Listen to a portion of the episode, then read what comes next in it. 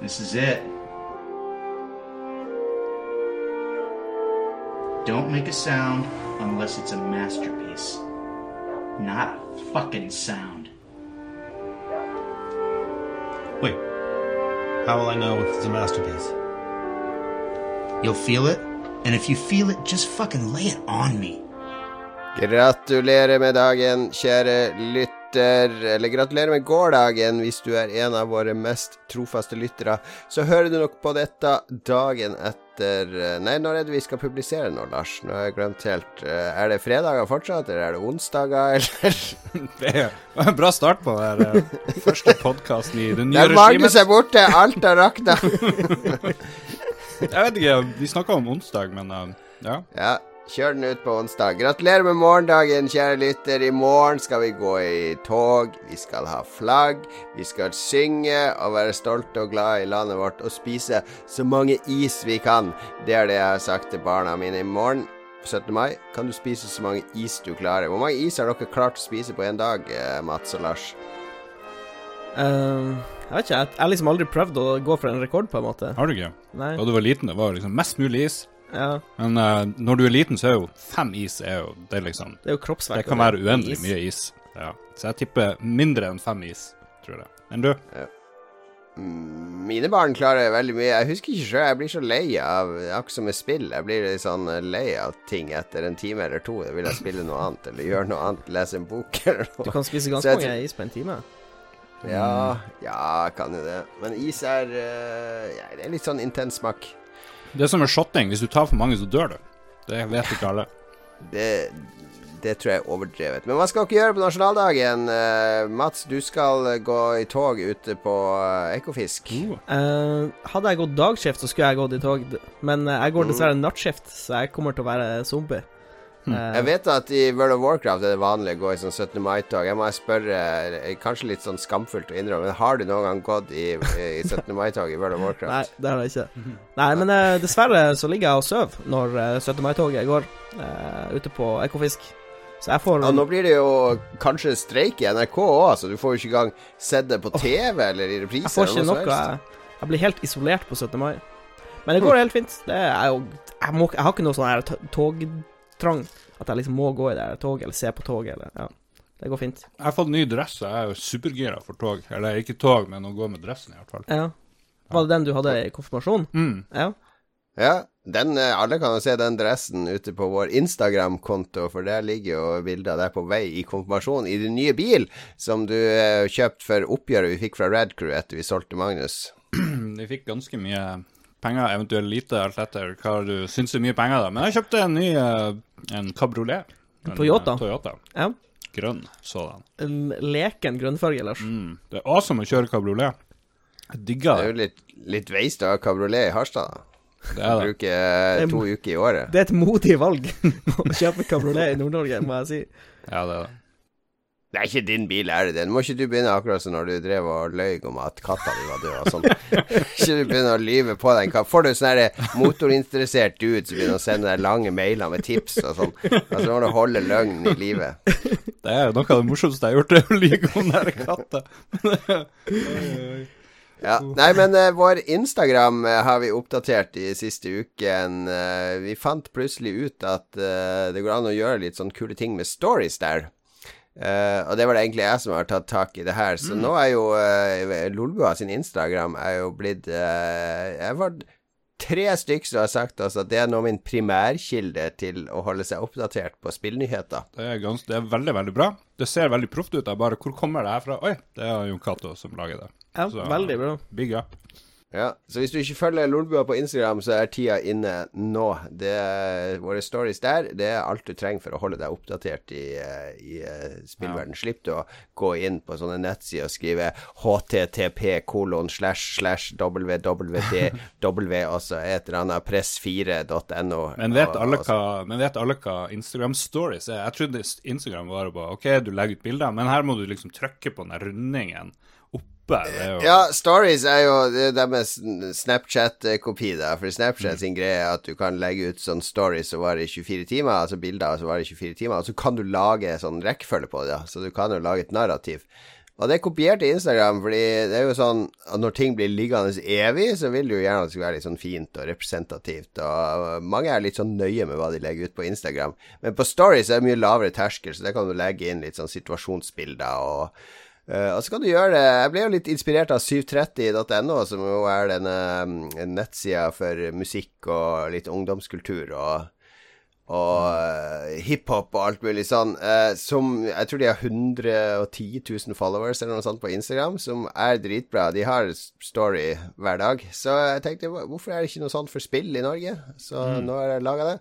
Nå hører alle konkurrenter på det, så da kan du bare glede deg til alle Alle spillmedier i Norge nå kommer til å kaste seg over Instagram. Ja. Sånn er det. Lolbua først. Ja.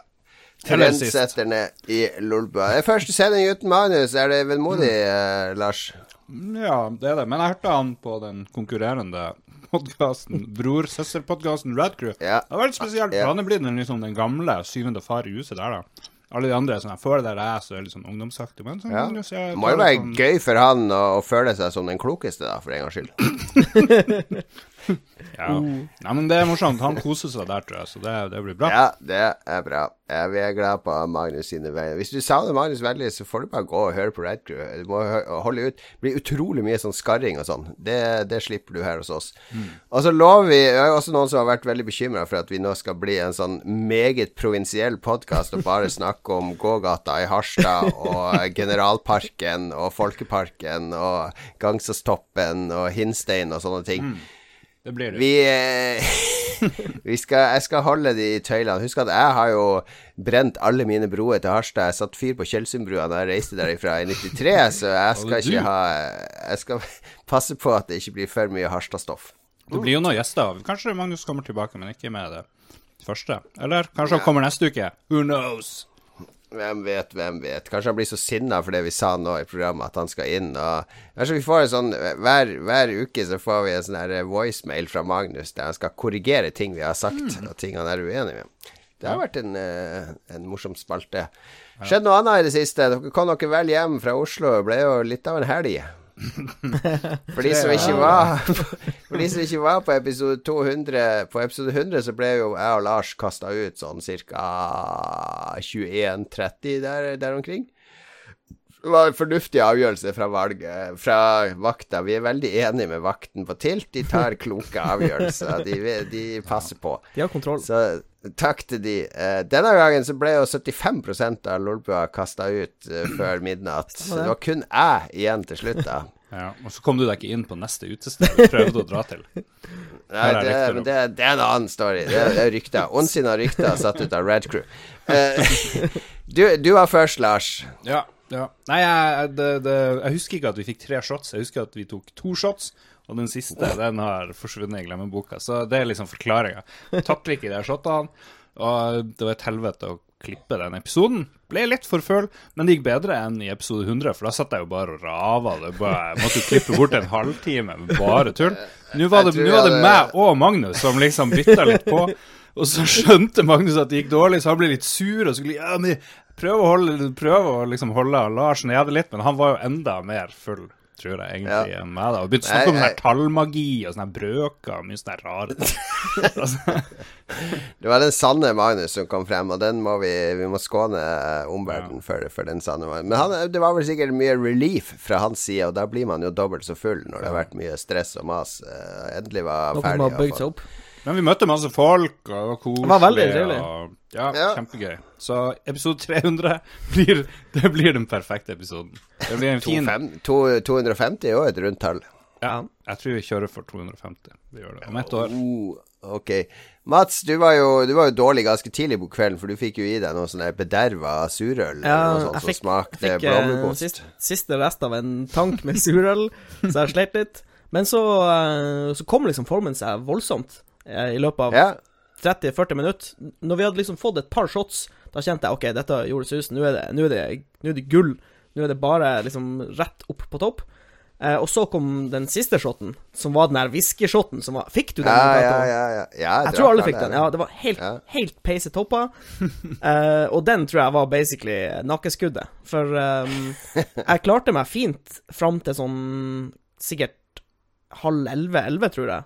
Ja, Eh, du også, virka i fin form, du, Ja, helt til du begynte uh, Fordi Lars var det, jo, det var mye drama her, da. Fordi Lars uh, fant jo ikke jakka si. Eh, han klarte jo ikke å si til disse vaktene skulle kaste han ut, at den lå på bakrommet og sånn. Ja. Jeg vet ikke om du kom der på bakrommet heller, og du bare ikke fant den. Den lå jo veldig lett å finne der. Jeg trodde, jeg vet, jeg kan ikke huske at jeg fikk vite at den lå på bakrommet. Du hadde en sånn kjempedyr allværsjakke til 199 kroner fra G-Sport, som det var ingenting i lommen på, så du var helt hysterisk med å ikke få med deg fra Ja, til. det- Så du for og sprang inn og ut med et sånn entourage i hælene som fortvilt prøvde å hjelpe deg. Du var akkurat som en sånn Hollywood-stjerne. Men du har en sånn lang backstory med allværsjakka, Ja. Uh, og de bruker å forsvinne.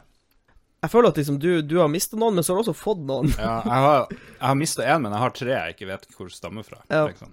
Men Jeg tror, jeg tror han Magnus kan lage en brøk på jakkene dine. uansett, det var veldig bra. Det var veldig morsomt. Tusen takk til var alle som kom. utrolig morsomt. Ja, Ja. konge. Tilt er bare ren magi.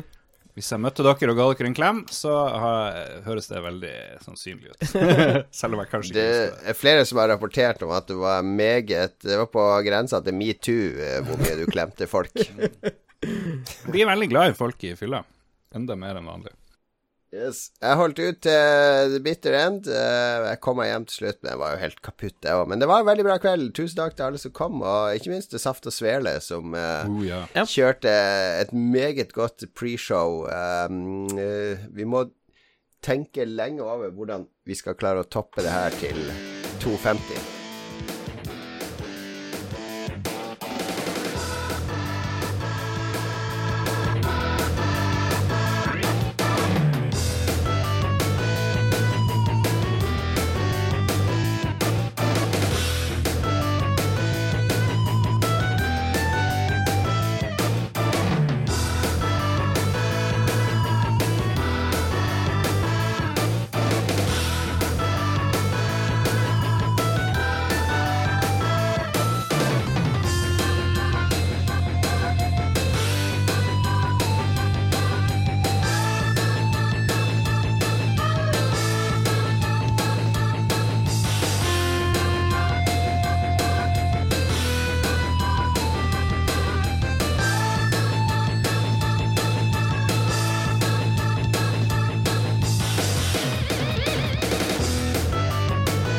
Takk, Enobu Mitsuyoshi der med låten 'Getting Muddy' fra hvilket spill? Du bare dikta opp der navnene der, så jeg trykker på det.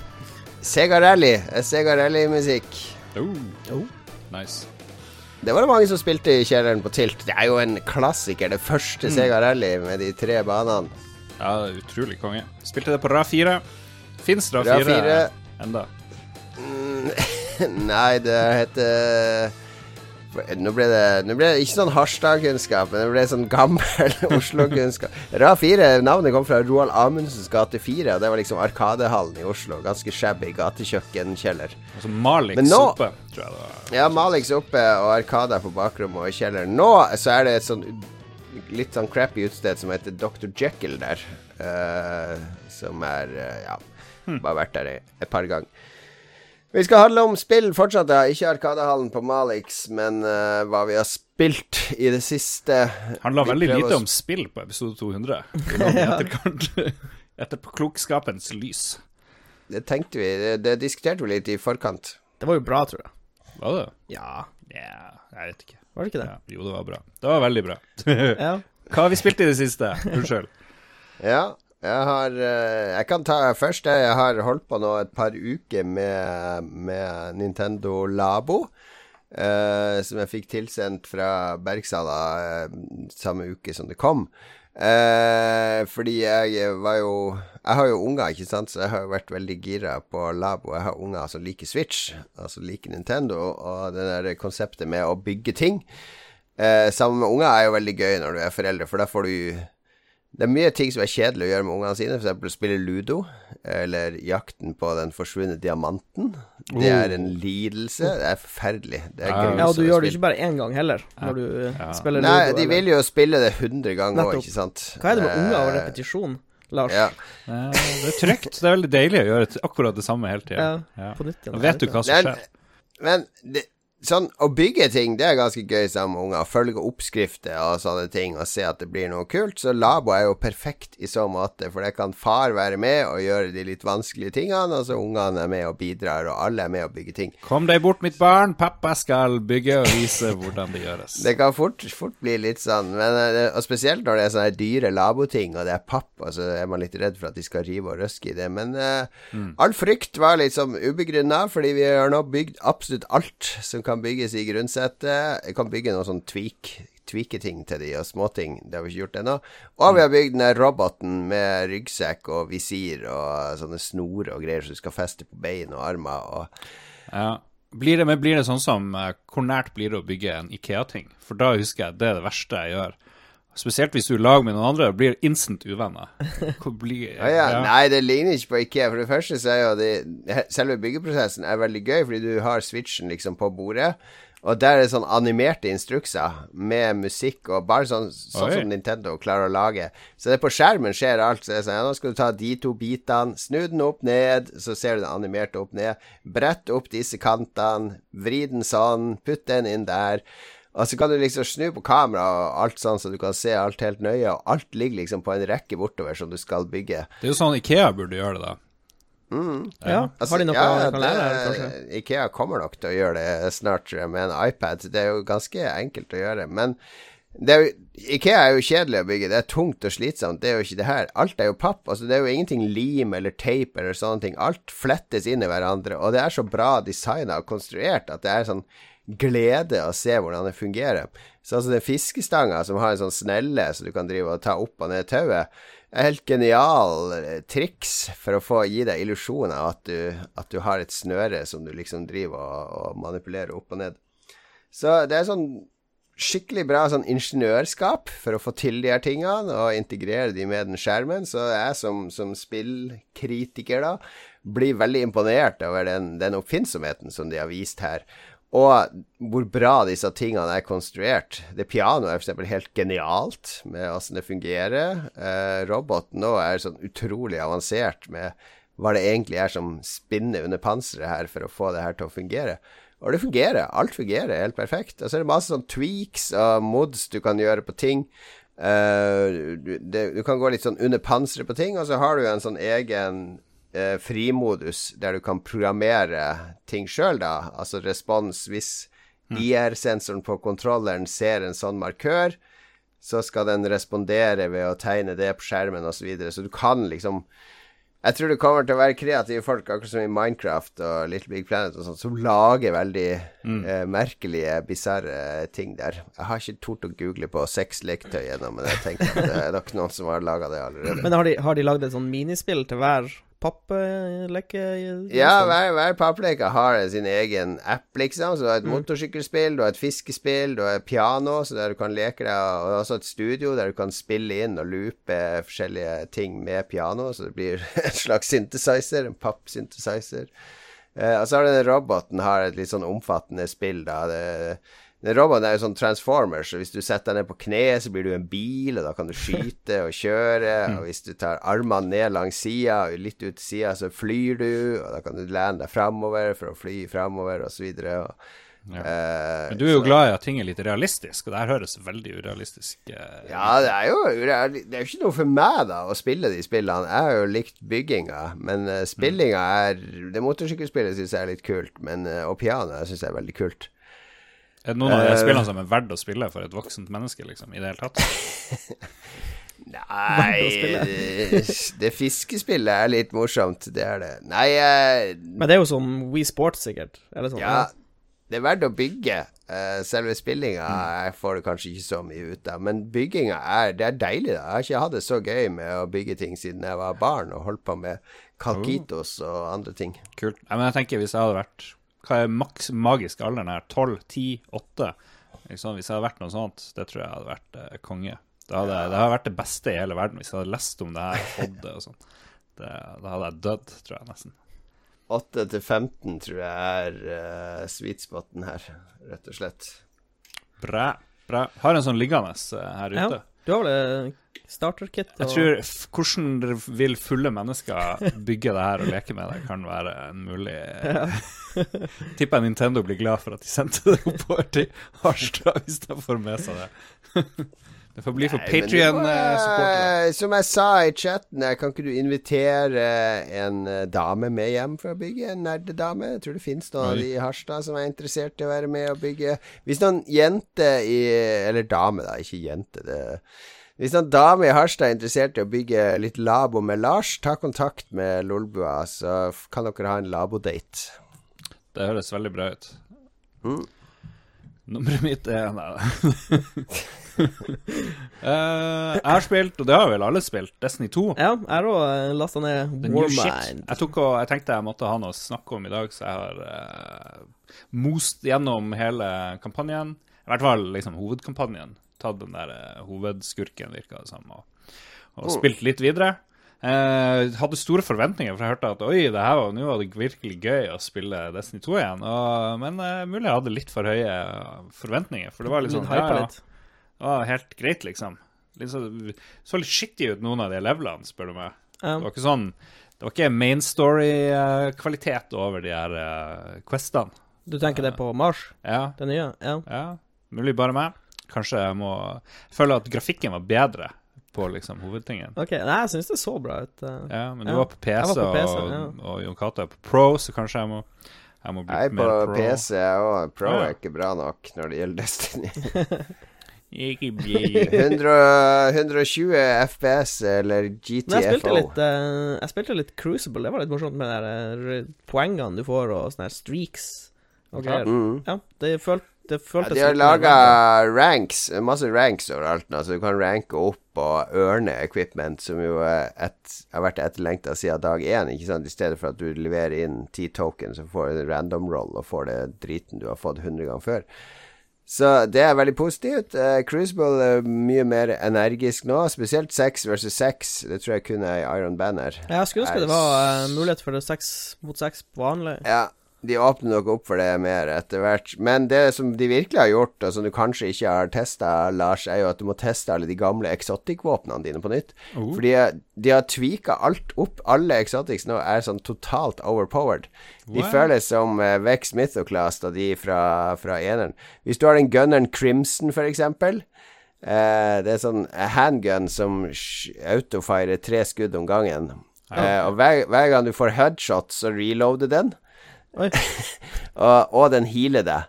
Så basically så kan du bare løpe gjennom sånne masser med fiender og bare holde knappen inne og støvsuge de opp med den. Og det er eksplosjoner, de har lagt til eksplosjoner og fyrverkeri og sånn overalt på Exotic. Så det blir dødsgøy å bruke. Jeg har dratt frem masse av de gamle Exotics som jeg har brukt Cool. eksperimentert med noe Graviton Lance for fiender til å eksplodere, så de sprenger andre fiender og lager kjedereaksjoner. Så, så Exotics har det gjort kule, da, for det var jo et problem før, at det var ingen Exotics som var kule å bruke. Du brukte et par sånne legendary-våpen. Ja, det var vel Origin Story og Better Devils og ja, Ja, Stort ja. sett lilla og lilla våpen. Mm. Ja, Ja. Så, så de er dødsmorsomme nå, det må du absolutt leke med. Og så er det jo også, når du er ferdig med den kampanjen på Mars, så har, får du noen ganske sånne long term uh, commitment uh, uh, quester, da. Ja, for jeg fikk en, et våpen, og så må jeg liksom skyte ting med det våpenet. Det var det første jeg fikk etter jeg var ferdig med den questen. Så det, Og de tar ganske lang tid, det er ganske omfattende. Det er mye du skal gjøre der for å få det til, og de har jo også laga en sånn grind, så hvis du skal opp den nye raid-levelet, er vel- eller raid-activityen er vel recommended 370. Og du kommer deg bare opp en sånn 5-6 light level i uka, da. Så det er ganske lang tur før du kommer deg opp dit og, og, og klarer den der nye aktiviteten på Mars og den nye raid-aktiviteten. Du har også den der utendørsaktiviteten på Mars som er dritvanskelig. Er det ikke ironisk at uh, først eh, Destiny så klagde folk på grinden, så klagde folk på at det var altfor lett ja, i jo, Destiny men- 2, og nå er vi tilbake på eh, grind igjen.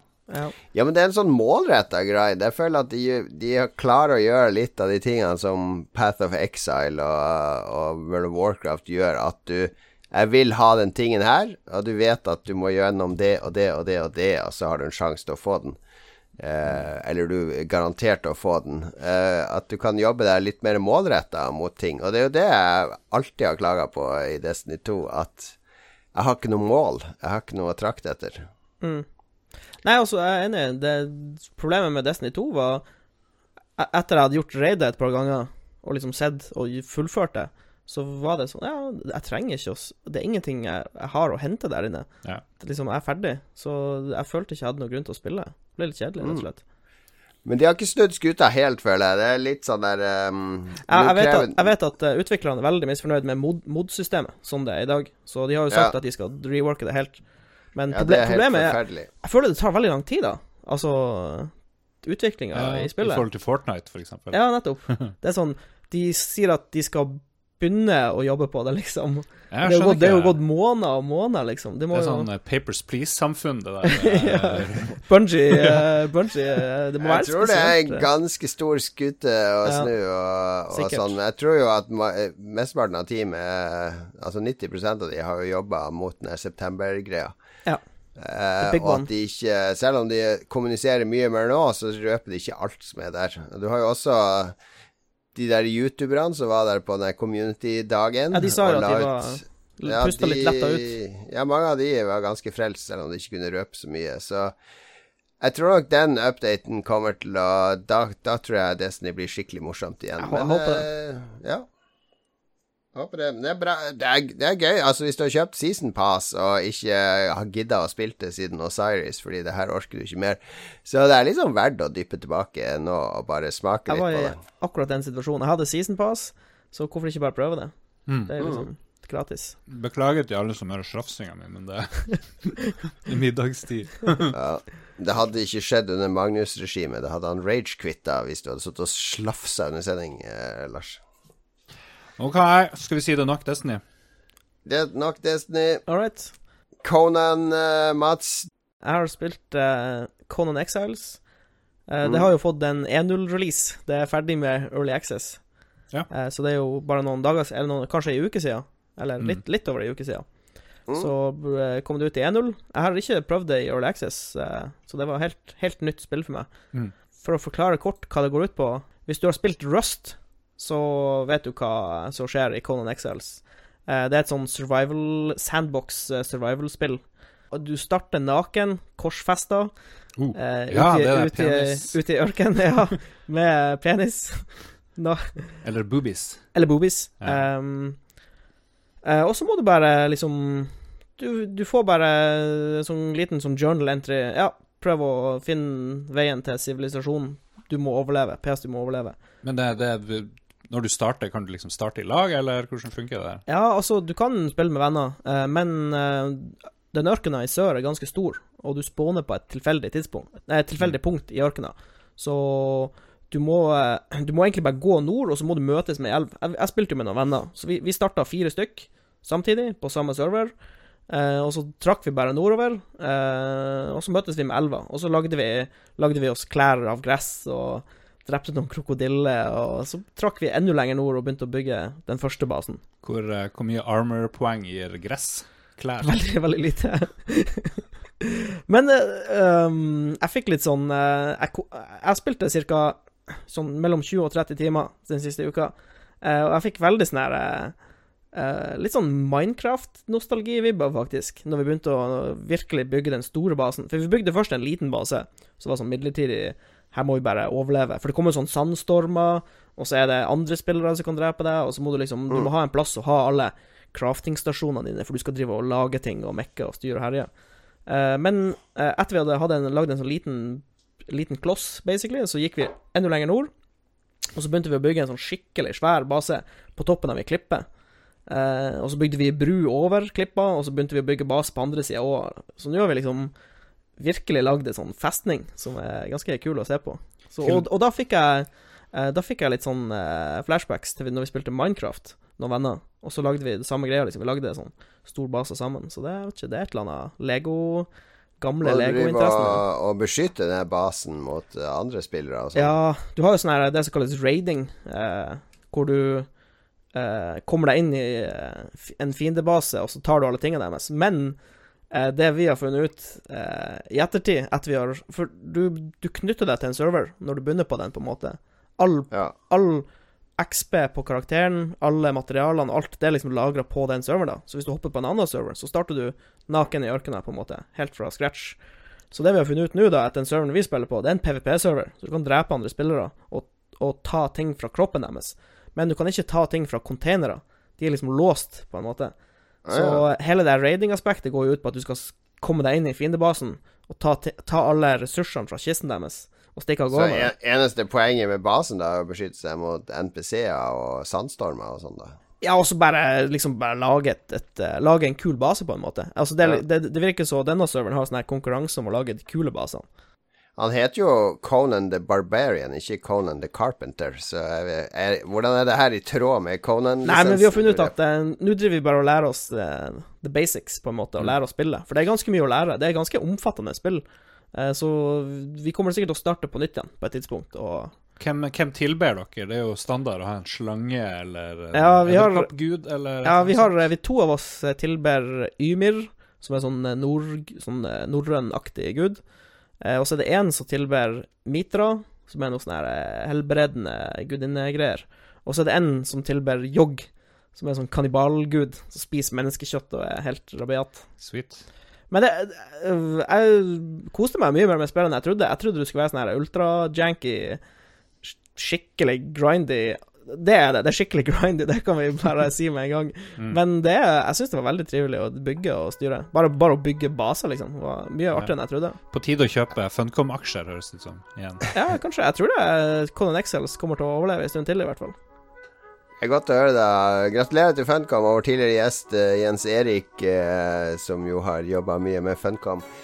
Blant annet så donerte han eh, premier til quizen til meg og Magnus vi hadde forrige uke, og deriblant en Konan linjal, der du kan måle mm, eh, Du kan måle en, en kroppsdel, da, og så får du vurdering om du har et short sword eller en dagger eller et two-handed sword, da, selvfølgelig. Fantastisk. Fantastisk.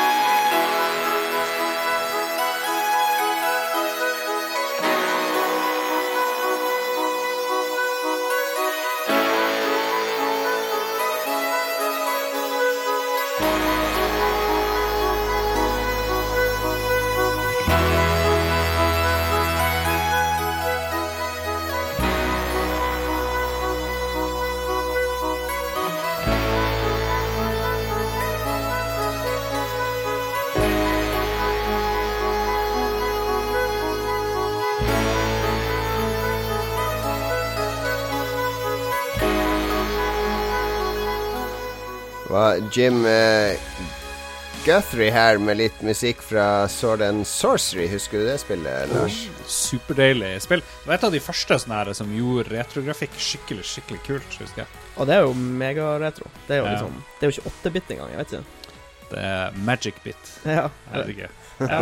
Jeg har eh, Det fins jo på Steam. Jeg kjøp, for det kom jo Det var jo til iPad eller noe sånt bare først. Ja. Og så noen år etterpå kom det til Steam. Men jeg har faktisk ikke spilt gjennom det. Ikke Det heller. Innså jeg plutselig. Det er litt sånn weird spill, da. Det er liksom Jeg satte meg fast skikkelig hardt, ja. og så hadde jeg ikke lyst til å google. Men jeg husker bare musikken, og alt var helt magisk. hvis, noen, eh, hvis noen har spilt gjennom hele Sword and Sorcery, dere må si fra i Ja. eh, chatten. Lag oss en guide. eh, På Facebook-gruppa vår. Si fra om vi bør fullføre det. Er det noe vits? Det må dere gjøre. Um, hva står det neste her? Nyheter. Vi har jo mista vår nyhetsoppleser. Ja, det har Ja. Kristoffer Gettoboys Hansen Leistad fått med seg. Hvem skal dere hyre inn for å lese nyheter som høres troverdige ut? Alle vet jo at nordlendinger høres ut som en gjeng ballhester, løgnhalser og lurkuker. Jo, men jeg, jeg er dessverre helt enig. Det, det høres ikke offisielt ut når Kan en du- nordlending leser opp nyheter. Kan du skifte dialekt, Mats? Ehm, jeg tror ikke det. Du har jo bodd i ikke- Stavanger. Ja, skal jeg benytte, skal jeg benytte Radcrew-dialekten, liksom, for å lese opp Nei, den er forbudt. Men det er jo sånn at sånn Vestlandet han der, Husker han der Herbjørn Sørebø og sånn? Ja. Eh, den Jo der tunge nynorske Ja, ja, dialekta, at den har mest sånn autoritet og tyngde. Gravitas. Ja, fy faen. Det har vært en eksplosjon i Kabul i morgentimene i dag. Og det er bare Oi, oi, oi, oi, oi, ja, det tviler jeg ikke på et sekund. Vet? Vi kan få støtte fra Fritt Ord og Nynorskforbundet, Åsen-stiftelsen, ved å lese opp nyheter på nynorsk fra og med neste uke. Jeg tror det er en greie. En out. Null, null viewers. Men les det opp med den vakre stemmen du har, Mats. Ja, OK. Jeg skal prøve. Hvis Lars kan eh, Der, ja. Um, ja, vi kan begynne med første nyhet. Uh, Rage 2 fra Bethesda er annonsert etter mange hint og noen lekkasjer. Uh, forrige spill i en slags fremtids-Mad Max-verden med mye bilkjøring og skyting var veldig gjennomført. Oh ja, en av nyhetene eh, folk fikk med seg hvis Eh, de fulgte Instagram-kontoen ja, som De slapp en Oh, yeah. minuttlang eh, teaser-video. Som Det var ikke noe gameplay da i videoen, eh, men det så jo unektelig veldig postapokalyptisk ut. Gameplay, gameplayen kommer på tirsdag, eller i morgen. Ja, tirs, eh, 15. mai kommer gameplay. Så ja. Uh, Brr spilte litt Rage 2. Likte Jeg det for så vidt, men fullførte det aldri. Jeg spilte gjennom det, Du spilte Rage 1. Rage Rage 1, 1. Unnskyld. Ja. unnskyld. Jeg spilte gjennom Rage 1, men jeg klarer ikke å huske slutten av spillet. Jeg husker bare at jeg kjørte med bil, og slutt, Ja. slutten var noe sånn i en by eller en sånn ruine eller Ja, noe. Jeg husker jeg ganske jeg, jeg likte Rage 1 veldig godt, fordi det var sånn der eh, seamless transition fra løpe rundt i korridorer og skyte mutanter til å løpe utendørs og hoppe i bilen og kjøre Mm. Jo, men og så videre. seriøst, det var megasmooth eh, gameplay. Og combat, combat var også helt fantastisk bra, med sånne gadgets og guns og Noe galt må det jo ha vært, for Jo, det men var- ble jo storyen, ikke noe story, stor hit. storyen var litt tam. Den var litt sånn Mm. Det var noe sånn her eh, Jeg vet ikke, var det noe sånn her AI, eller Jeg husker ikke hva ondingen var. Det var noe sånn her Nei, eh, For det ligner jo på det her Borderlands, ikke sant? Bare Ja. ikke så fengende. Ja, men det var litt sånn tørrere, litt sånn der eh, realistisk, hvis du skal bruke Altså Ja. litt sånn der eh, jordnær fremstilling av, av Men det ser ut som de har gått bort fra nå, da, i teaseren, for den er jo mer sånn der ka- Eurovision-karneval. Ja. Postapokalyptisk karneval. Det så ut som Eurovision Mad Ok, Var det litt sånn kyllingsangen? Nei, de hadde, de hadde en remixa Andrew eh, WK-låt eh, i, i traileren, så det så rimelig Mm. nuts ut, i hvert fall. Åh, vi har glemt å snakke om eh, Melodi Grand Prix. Det er får vi vi neste nyhet. Ja, Israel, fascistnasjonen Israel vant Melodi Grand Prix lørdag.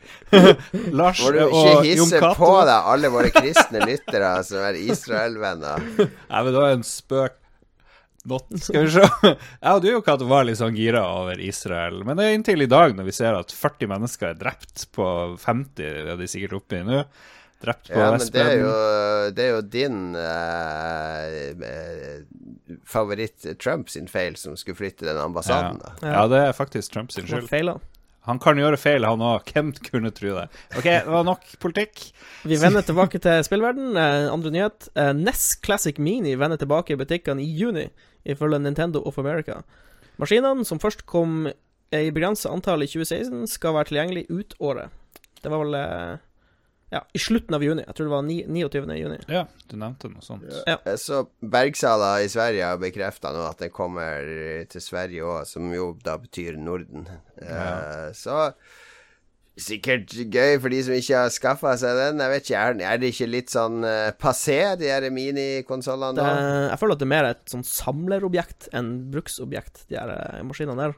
Ja, de, de, de er jo veldig bra laga, da. Jo, nettopp, For altså, de, det er begrensa hvor mange de lager dem. De, de er bra lagd, så jeg føler at samleverdien er mer, større enn bruksverdien. Jeg vet ikke. Jeg har sett en Snes Mini som kosta 1500 den kom, og folk løp ut. Ja, Ja. må sikre oss, jeg kjøper ti stykk, så jeg skal selge på Finn. Den ligger jo i sånne tilbudsesker nå til 700 kroner. Jeg tror de her lagde litt for mange av, eh, av eh, snesen, rett og Ja, slett. de lagde nok. Og så har prisen gått ned. Nå får du de vel for under 1000. Men eh, Snesen er jo konge, og hvis du gidder å modde den, så får du jo, eh, kan du jo gjøre mye gøy. Mye Ja, ulovlig jeg føler at hvis, hvis du vokste opp med en SNES, så er det jo verdt prisen. Ja, men eh, jeg var veldig gira på NES Classic Mini. Kjøpte den, og du brukt den? brukte den i til sammen under to timer. Ja. Ja, Nei, men sånn er det. Sånn er det. Ja. Uh, vi moser videre. Uh, Stardew Valley kommer på verdens beste spillmaskin, PlayStation Vita, 22. mai. Dette er ikke en Oh. spøk.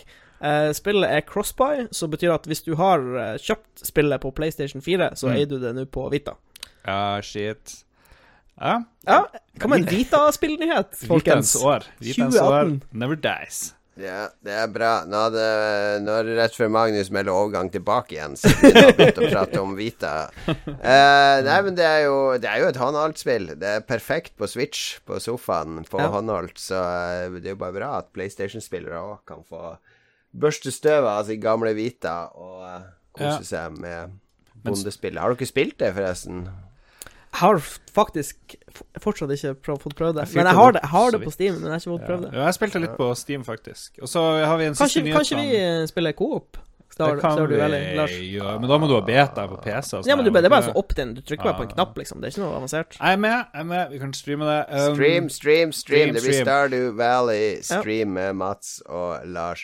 Det var noen nyheter, men følger du oss på Instagram, så får du med alle spillnyhetene som skjer i hele uka. I hvert fall alle de viktigste nyhetene. Der har vi annet hatt stories om eh, Sony på E3, hva de skal fokusere på. Vi har hatt story om Square Enix, som nå kommer tilbake til E3, osv., osv. Så, videre. så følg oss på Insta.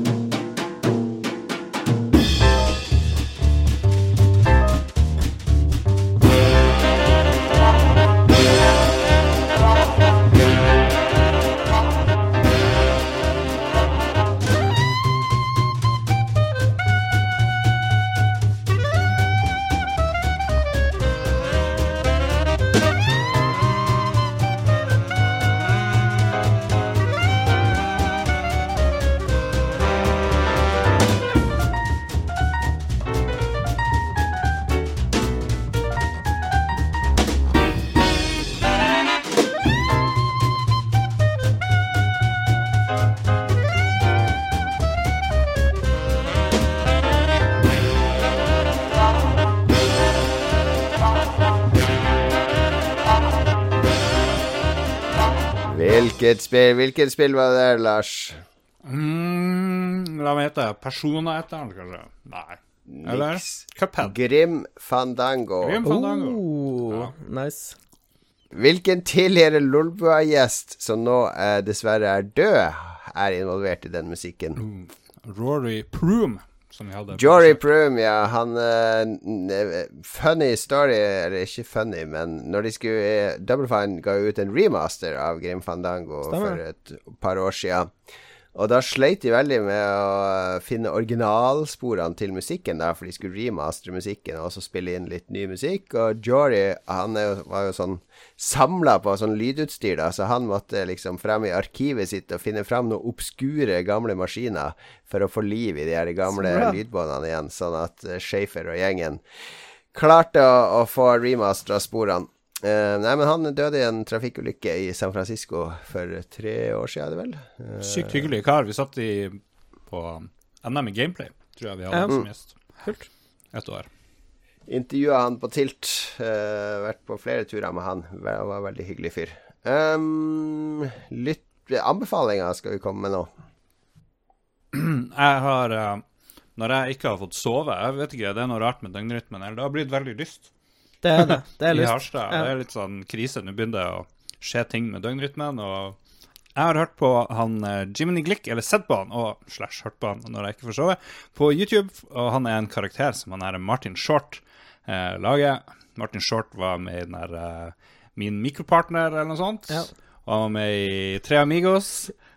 han er den eh, korteste i eh, Tre Amigos. Utrolig morsom, utrolig proff. Eh, fra Canada.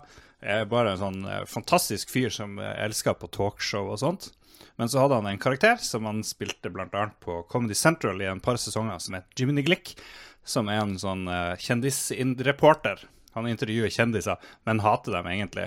Er veldig passiv-aggressiv. og gjør alt, alt på sånn improv-måten. Improv, eh, rakke ned på folk. Jerry Seinfeld takler det ikke. Han tar seg sjøl sykt alvorlig. Mens f.eks. Julia Louis Dreyfus fra Seinfeld og mange andre morsomme karer syns det der er utrolig gøy og holder på å flire seg i hjel. Now we go out and about with Jiminy Glick. I am so excited because I'm sitting here with an absolute living legend. And a man who means so much laughter and so much joy to so many people. Albert Brooks, say hello to Albert. How are you? It's actually Mel, but uh, It's Mel Brooks. Yeah, oh Albert my God. Well, Yeah, his notes are worthless. I don't know what to ask you now. yeah, Albert's the other guy. And you're Mel Brooks. Mel, yes, right. You're often included on the list of all-time great comedians. How did that happen? you were a jazz drummer. Yes. I had once an infection in my outer colon, and my doctor gave me a few rim shots, and it absolutely helped me. And I think, and I think that it can help you too, because Rim shots? Rim shots. In your outer colon? Outer colon. He gave me a few rim shots, and it helped. It was an infection. It was an infection. That's what it was. That's what it was. Now let's Give me a minute. Okay. All right. I'm fine now. What's your big beef with the Nazis? What's my big beef? Yes, it seems like you're always What's knocking. my big beef? with the Everything you do, you're always knocking the Nazis. Oh, let's. It's it's time for Mel Brooks to knock the Nazis. It seems. Oh, I don't know. I think they're rude. I guess. I guess. This has been absolutely so much fun. This is the craziest fing interview I've ever done in my life. That's why they call me multidimensional. Okay. Let's. Wonderful. One other question. Where did he go? Why is this man stormed off? Primetime Glick. We'll be back after this. Og det, det bare setter folk ut hele tida. Så driver han og spiser godteri og snakker om kona si og sånn, og gjør veldig mye rart. Eh, han er på Atkins. Det er selvfølgelig kona til Atkins han er på, og så videre. Veldig mye barnslig, men også veldig mye bra sånn, observasjoner. Opp, kommer med, bestandig med en obskur referanse til intervjuobjektet og sier bare 'Å ja, du vet det', liksom, og så videre. Så ta og søk på Jiminy Glick eh, på YouTube, og du kommer til å le masse, masse, masse. masse. Jeg kommer til å klippe inn et lite Men eksempel. fikk du, fikk du sove av det her, da? Det er jo det som er poenget. At du skal bli trøtt av det. Å ligge og le i senga mens du ser på YouTube, er jo ikke akkurat Jeg oppskrift. driver ikke og ser på YouTube for å sovne som en uh, unge på fem år, liksom. Jeg slår igjen ti. Til slutt blir jeg jo trøtt. Kroppen sier nei til slutt. Så Ja, ja, Okay, det hjelper ja, deg ikke å sove. det- Det gjør det ikke. Slå i hjel tid, Jiminy Glick. Greit, greit. Uh, jeg kan ta en sommeranbefaling. Jeg tapte jo vår hårkonkurranse i Lordboa episode 200 um, og måtte barbere hodet. Og det er jo det er noe av det beste jeg har gjort, fordi det er veldig deilig å shave hodet når sommeren kommer, og slippe å ha det håret der, og bare kunne eh, slippe hodebunnen fri og, og få sol og vind og alt eh, oppå der. Ja. Kaller folk deg cuphead? Nei, altså, jeg har egentlig bare fått komplimenter. Og, eh, både når jeg posta bilder i våre lukkede fora til våre venner på hytteturen og sånne ting, så bare sånn Ja, det ser bra ut. Det burde du gjort før, og så videre. Ja. Så jeg er veldig fornøyd med sveisen min nå. Jeg ser, uh, ser mannlig og macho ut eh, mer enn jeg gjorde før, når du driver med det der tjafset mm. som dere har på håret. det er liksom det er sånn, Hvis du skal ha hår, så må du jo gjøre noe med det, ikke sant? Hvis du vil se maskulin ut, så er det bare å gå Bruce Willis. Det er Ja. øyeblikkelig Dere er ikke studenter lenger, gutta. Nå Nei. må dere gjøre noe med håret, eller kvitte dere med håret. Jesus lord. Du er jo dømme andre. Du er faen meg sånn dømmekar. Jesus, fuck off. Jeg dømmer alle. Men eh, vil du ha en enkel og billig sommersveis, så ta og barber av deg håret. Det går nå. Jeg vedder på at vi kommer til å se nå i juni på Løkka, så kommer det halvparten av alle de her eh, hipsterne som har gått med manbun nå et par år, de kommer til å shave hodet i år, for det er alltid en sånn trendsetter. Det er store ord, men eh, sann mine ord. Ta deg en tur på Løkka i slutten av juni. Se Jon Cato-moten har spredt seg. OK. Ja, Takk for, jeg liker det. Jeg liker takk for spådommen. Veldig bra. Veldig bra. Ja. Mats, hva skal rekommenderes? Jeg er på doku-kjøret. Doku, hva er det for noe? Vi trenger en annen jeg tar nå over Magnus sin rolle som dokumentaranbefaler. Ja, ja. Ah, ah, Jeg har, jeg har sett um, de første par episodene av uh, en ny eh, dokumentar på Netflix som heter Evil Genius. Uh, det er lagd av uh, Duplass Brothers. Det er de som lagde Wild Wild Country, som han Magnus snakka om uh, for et par episoder siden. Mm. Mm. Uh, det er um, Jeg har ikke lyst til å si for mye om hva som faktisk skjer i dokumentaren, men uh, Jeg vet ikke om dere husker det, men i 2003 Ja. i USA så var det sånn her bisarr uh, eh, bankraneepisode. Eh, hvor det var en fyr som gikk inn i en bank i Pennsylvania. Så hadde han ei bombe rundt halsen. Oi. Og så sa han at han var tatt som gissel. Det er noen som har satt ei bombe på hodet mitt. Dere må gi meg penger. Så kom han seg ut av banken med en sånn her eh, 8000 dollar, og så eh, ble han stoppa av politiet ganske øyeblikkelig eh, etterpå. Eh, de tar han ut av bilen, og så bare sier han 'jeg har bombe rundt halsen'. De bare 'oh shit'. Hiver håndjern på han, og så blir han sittende utenfor bilen sin, mens de står sånn her 30 meter unna og sikter på han. Så er, så er bombegruppa på vei, eh, og så prøver han å forklare at bomba kommer til å eksplodere. Det er en timer, han må gjøre en sånn rekke oppgaver før bomba går av.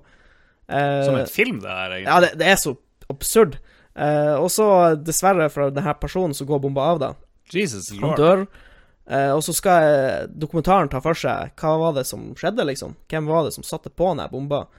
Og så er det, det er så mye rare ting som skjer. Bare i de to første episodene så er det sånn flere som dør, som på mysterisk vis. Er, FBI vet knapt hva som foregår. Uh, de prøver å finne forensic clues, og nei, det er bare Er det en tulledokumentar? eller Nei, dette var noe som faktisk skjedde i Pennsylvania i 2003. Jeg husker, jeg husker at det skjedde. Jeg husker de bildene av når du ser han inni For det var ikke sånn liten, lita, smidig bombe, liksom. Hadde en sånn boks rundt halsen, liksom. Eh, nei, men det helt makabert, Uh, fascinerende, og jeg liksom bare etter to episoder så vet jeg at jeg kommer til å like den. Så eh, hvis noen liker sånn true crime slash bizarro-greier, så er det absolutt verdt å Men er det, er det en spoiler i tittelen at det er sånn evil genius som står bak? For det er ikke så Eh. mange geniuser i det området der i USA, så det burde jo være Ja, det er vel Det er vel eh, Det er et, et individ som blir nevnt ganske tidlig. Eller to. Er det Elon Musk? Er det liksom så genius, eller? Nei da, det er ikke Det er, det, det er sannsynligvis ikke en person du har hørt om. Ok, ok. ok Ja. Ok, breaking news her, og Melania Trump er på sykehus, får vi høre i chatten. Eh, jeg tror det er sånn her eh, Evil Genius eh, på gang som har gitt opp polonium, eller noe sånt. Apropos evil genius, altså. Eh, tre gode anbefalinger der. Eh, barber hodet til sommeren, eh, så blir du en trendsetter sånn som meg. Se Evil Genius på Netflix. Får du innblikk i en bisarr krimsak i USA. Og eh, får du ikke sove på natta, så kan du ligge og klukk-le i senga til Jiminy Glick, Martin Short sin eh, perfekte comedy persona.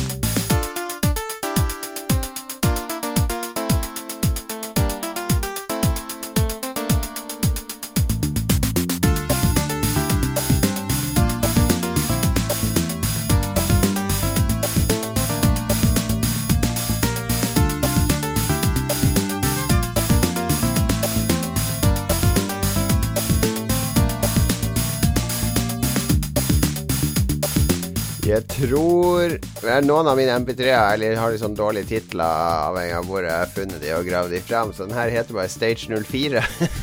så det, kan, det er ganske mange spill som kan falle inn under Stage 04. Jeg tror det var Streets of Rage. Streets of Rage 1 eller 2 eller 3.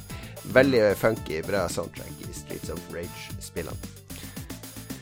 Vi har kommet til våre kjære lyttere. Mange av de møtte vi jo på uh, Tilt for noen uker siden. Eh, enda flere av de har vi antagelig aldri møtt. Vi har jo en del lyttere etter hvert. Hvor mange er det? 250 000 nå, Lars? 250 nærmer seg 300 000.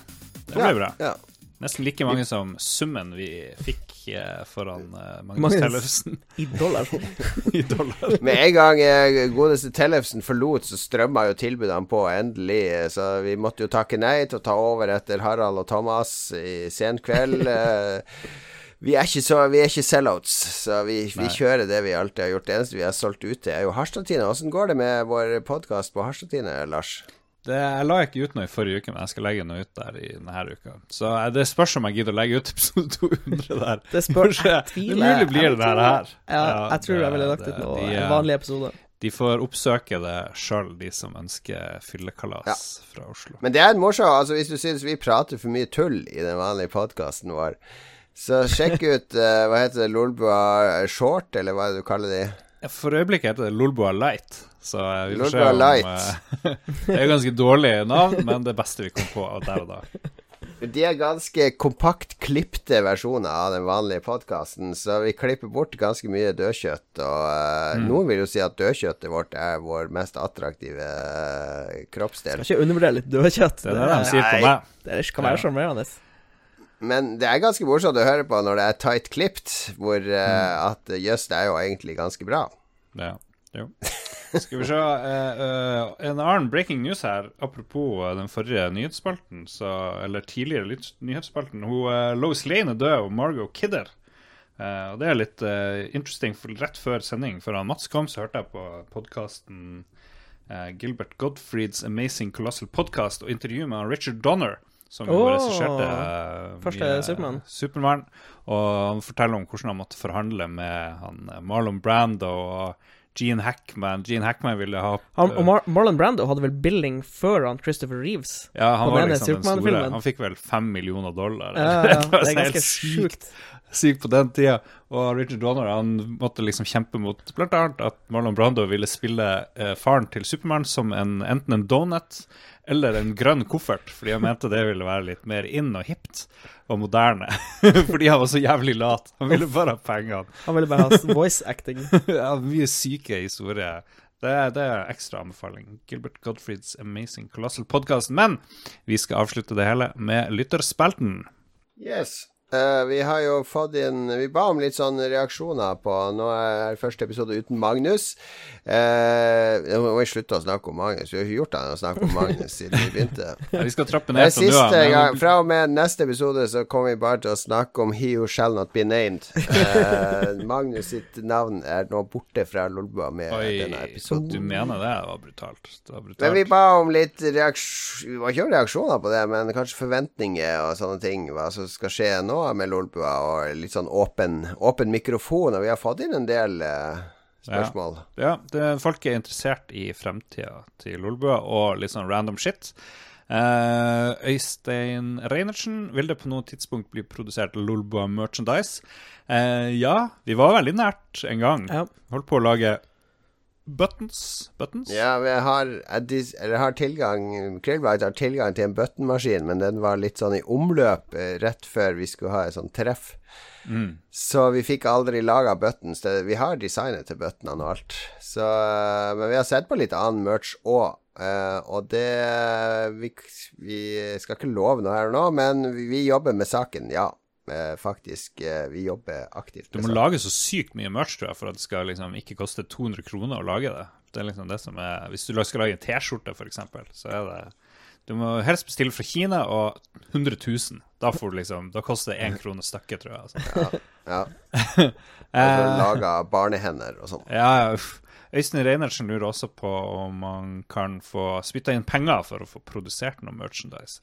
Og så syns han at Lolbua bør ansette Christian Tjessem som offisiell fotograf, da han tar nydelige bilder. og så har han enda mer på hjertet. Kan vi få en Yakuza spesialepisode? Hmm. Det er vel ikke du noe problem med? Det kan vi se på en gang i fremtida. Yakuza. Men Tjestheim er jo vår offisielle fotograf. Han er jo helt Ja, Han er maskin. Han er Jeg så det var sinnssykt mye bra bilder fra, eh, Ja. fra episode 200. Tusen takk til Chesem som tok med seg kamera og stilte opp eh, helt uoppfordra som fotograf. Ja, det, jeg elsker det. Og bildene ligger i en egen mappe på Lolbua på Facebook, så bare gå dit. Trygve Bjelvåg eh, kjenner jeg godt her i Oslo. For det første, nå kan dere dra i gang skikkelig radioteater. Ja, ja, ja! Vet du hva, det har jeg gått og tenkt på. Det er et kjempegodt forslag. Jeg syns vi skal dramatisere sånne ting som skjer i spillbransjen. Eh, sånn eh, Hva skjedde egentlig mellom Kojima og Konami? Så da gir vi oss roller, og så har vi sånn her Kojima, kom inn på kontoret nå! Det, Ja, Oh, vi er nesten i gang. Vi må, vi må tenke litt på Vi kan ikke bare kaste oss rett inn i det. var Bra start. Bra start. Men det blir uh, veldig bra forslag, Trygve. Jeg tror en radioteaterspalte er i ferd med å presses ut av eh, en eller annen livmor her i studioet. OK. Tommy eh, Tollefsen uh, sier at han krever at alle snakker sørlandsdialekt hele episoden som en honnør til Magnus. Ok Good Jeg vet ikke om, jeg vet ikke om det er, noen vil høre det. Jeg prøvde pr- liksom, Jeg kan ikke prate Magnus-dialekt. Du kan Stavanger-dialekt, Mats, hvis du vil. Eh, ah, sånn litt. Ikke noe vel, ikke noe bra. Uh, Ingen løye pige i Stavanger. Og... Hekkan, hekkan så løye. Hekkan så løye. Ja, det, så det ligger, det ligger klart. Det ligger klart. Vi hopper over Uh, Vi hopper, vi hopper over Jeg vet ikke om det var med vilje du hopper over han Trygve Bjelvåg, som også Hva er to ting vi kommer til å savne med Magnus? Å, beklager. Jeg, jeg tenkte Ja. Radioteatret var Til å ikke savne med Magnus. Ja, det kommer til å ikke savne. Å ja, shit. Oi, oi, oi. Oi, oi. Nei, nei det, det, det må være um, Too soon. Too soon. Det må være kjønnssykdommen han hadde eh, kaffemaskinen som han alltid skulle sette på før sending, som drev og bråka og kverna i to minutter. Ja, ja. Den- jo da. den Og det er til tastaturene. At han måtte bytte, Jesus bytte lord. tastatur. Verdens mest bråkete tastatur. Men Ja. um, Og Ja. også den der uh, heroinsprøyta han måtte sette før hver sending for å roe nervene. var litt slitsomt i lengden. da så kunne vi ikke snakke om aidsen, og det, Ja.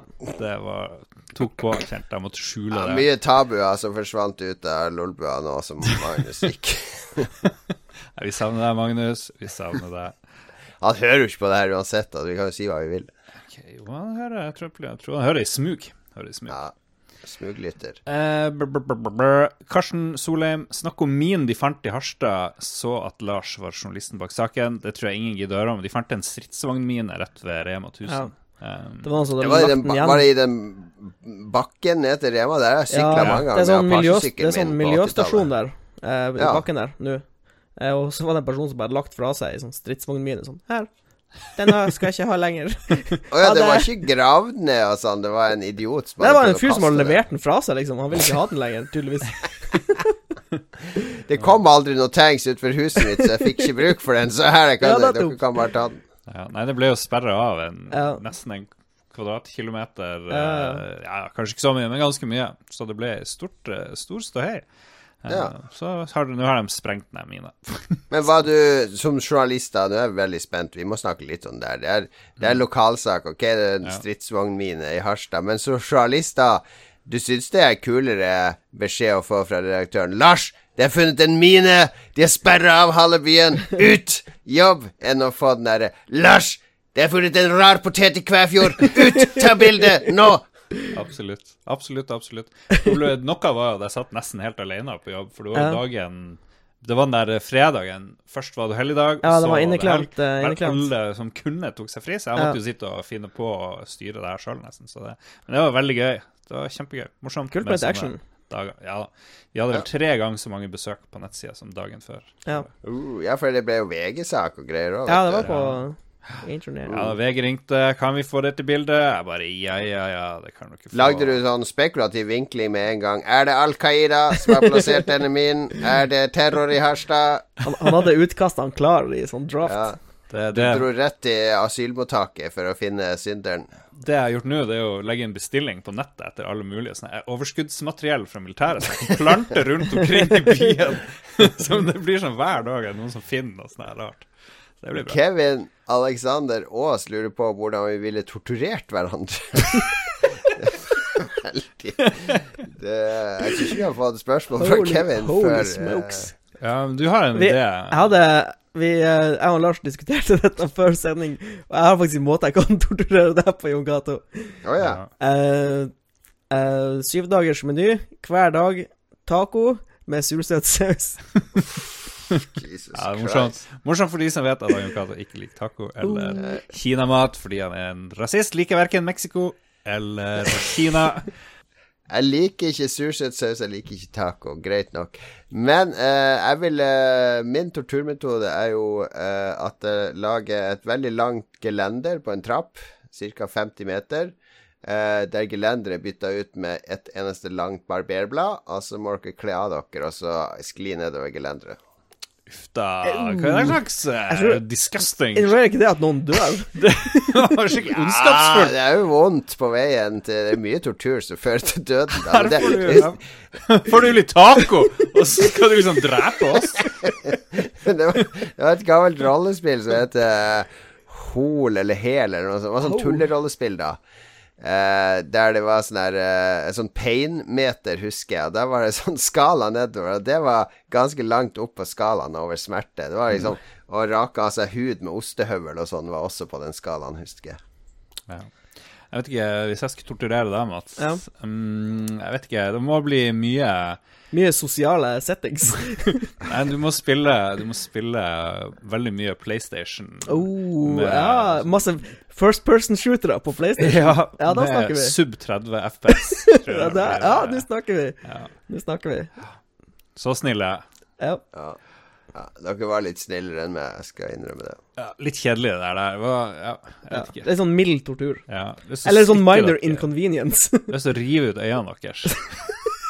jeg vet ikke. Jeg, neste spørsmål. Klipp bort det siste. Underbevissthet. Uh, Ole Magnor uh, lurer på status på Deadpoolet. Ja, han, har, er har vi noe- Deadpool? Ja, vi har jo en sånn fra 2017, da. Ja, skal vi se hvis vi scroller ned. Hvilken skal- episode var det? Kurt. Her er vi, ja, ok.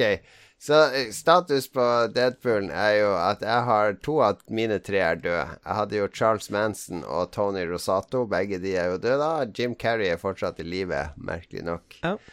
Så vidt. Aaron George Magnus- George R. Martin, husker jeg. Ja, George R. R. Martin han er i livet. Paul Gascoigne han er i livet. Harrison Ford han er i live. Du er ganske dårlig i Deadpool. Eh, Magnus hadde jo Keith Richards, Per Fugelli og Mark Hamill. Per er jo da døde. Det, Ja. Alle visste jo det i flere år før han skulle dø. Keith og Mark er jo i beste velgående. Lars, du hadde Kirk Douglas. Er han død ennå? Nei, jeg tror tror han. Han lever- still going. jeg tror han er verdens Lars- eldste mann Lars har minus 100 poeng i Deadpool vår. Ian McKellen, han er eh, vel også i live. Og Jahn Teigen, han er også i live.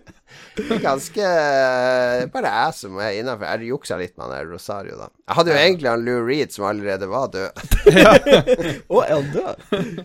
Ja, det var litt, det var litt trist. Right. Veldig, for dårlig samvittighet bare vi snakker om det her, kjenner jeg.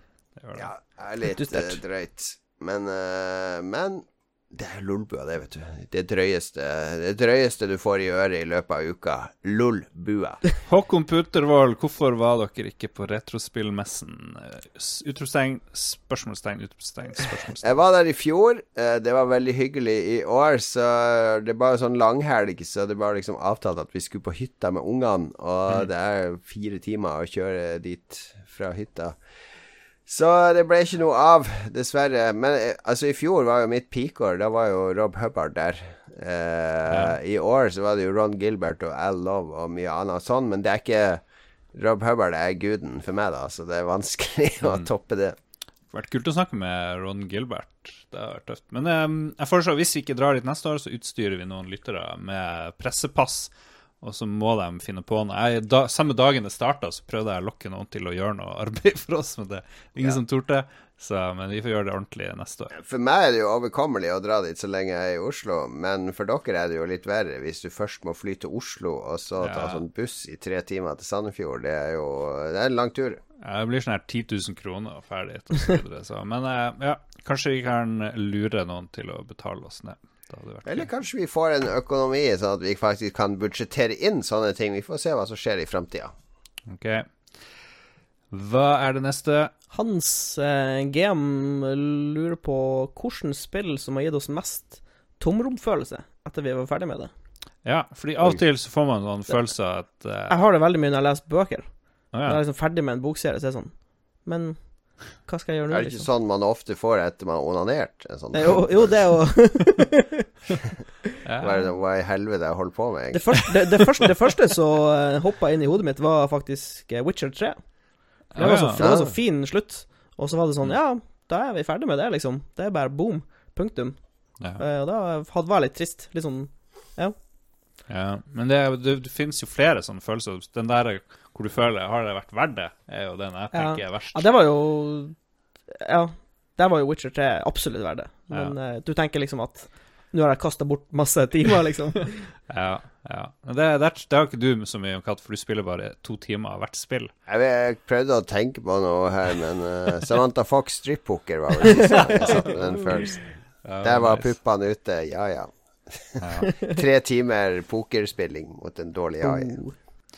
Eh, Jakob Dyrhaug, gitt at skaden er skjedd, hva er Buas beste råd for å håndtere fylleangst? Der kan ikke Jon Cato uttale seg, for du har ikke fylleangst. Um, Jeg blir ikke fyllesyk, det er litt forskjell. Det har hendt Ah. at jeg har, uh, uh, som alle andre, måtte sjekke meldinger og Snap og sosiale medier og sånn dagen etter, for jeg var vel ikke dum nok til å putte ut noe tull. Eh, men som regel er jeg ikke det, så jeg sliter ikke med utstrakt fylleangst. Men uh, Jeg, fikk, vi, jeg hadde jo blackouts. Jeg Lars hadde litt fylleangst på- på lørdag. Flere dager, egentlig. Ja. Det er når du ikke husker hva som skjedde. Ja, er det, så ver det, verste er, det verste er blackout-fylla.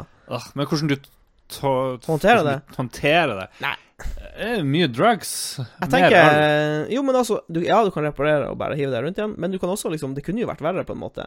Ja. For det er jo, det er jo ikke som om du sitter i fyllearresten, liksom. Eller at Nei. det ligger noen døde personer eh, på soverommet ditt, eller Ja. noe sånt. Det blir en egen podkast. Hva du gjør da?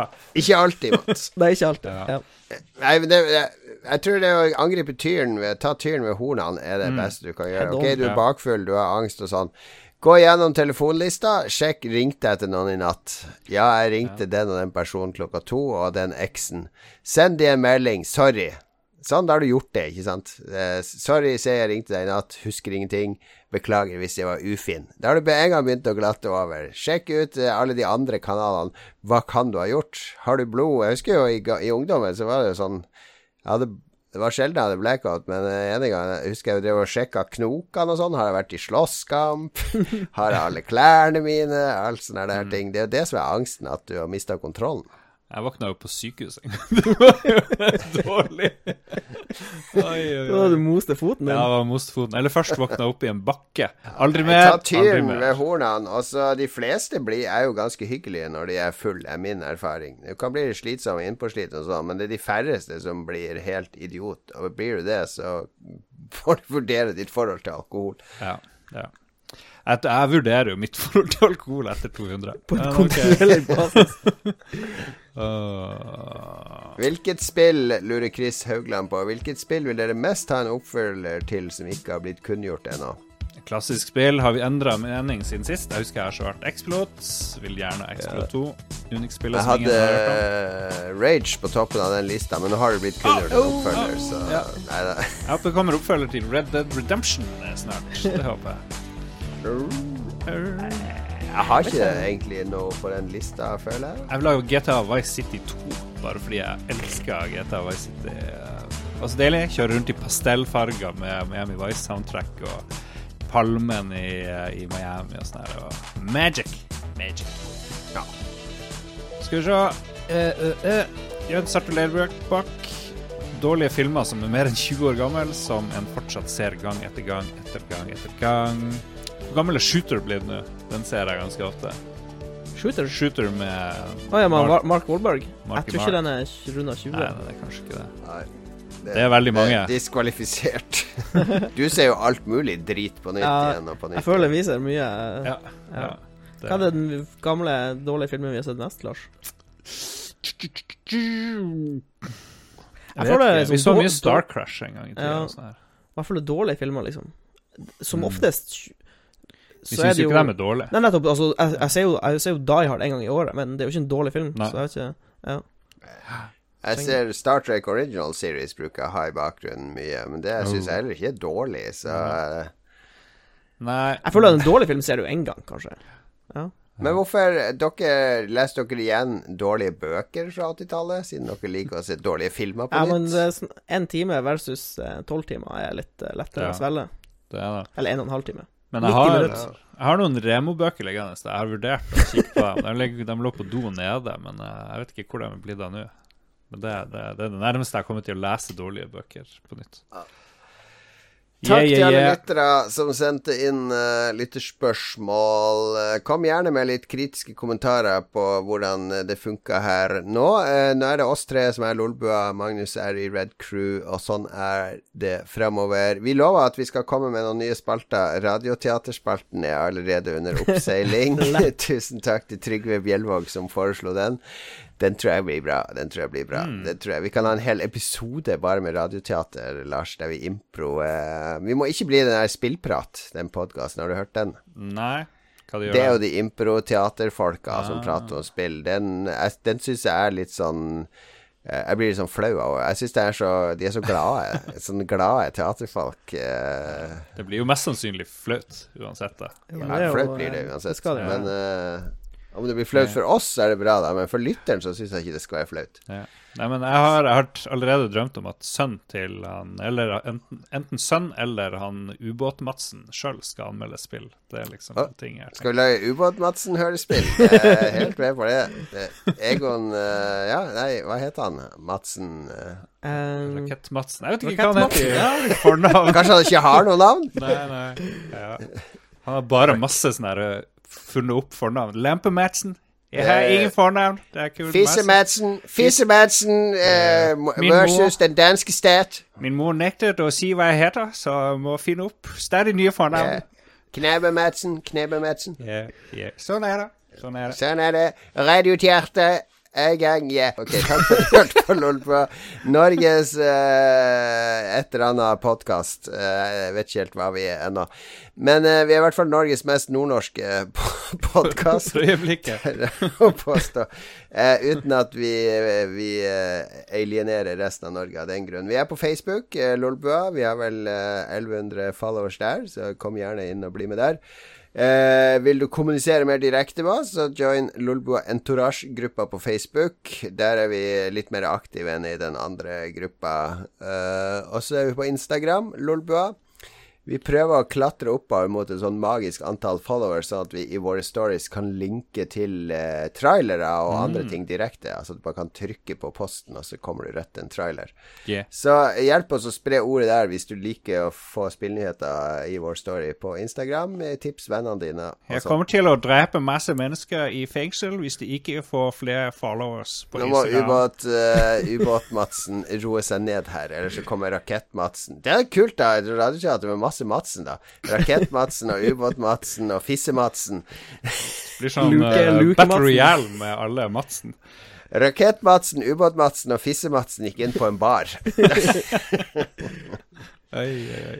Ok. Uh, vi er også på Twitter, Lolbua. Uh, uh, that's it, basically. Soundcloud. Soundcloud. Følg Mm. ja. Lik og sånne ting på iTunes. Gi oss stjerne, osv., Ja. YouTube og Discord. Discorden er ikke Mm. så mye i bruk. Eh, er det noen som interesserer seg for Discord, egentlig? Nobody knows. jeg bruker Discord veldig mye. ja. Ja. ja. En, Vi har en en Discord òg. Vi skal legge ut link til Discorden i våre grupper etter hvert, så kan dere joine oss der òg. Vi er tilbake om en uke. Da blir det nærmer seg etere, så vi begynner vel med noen etere-sendinger. Mats, du drar på eh, plattform. Ja. en- Ja. To uker med nattskift, så er jeg tilbake. Så nye greier i Lolbua føler vi er jo at eh, når Mats er borte et par uker eh, hver gang, så henter vi noen gjester da for å fylle, fylle Mats sitt hull.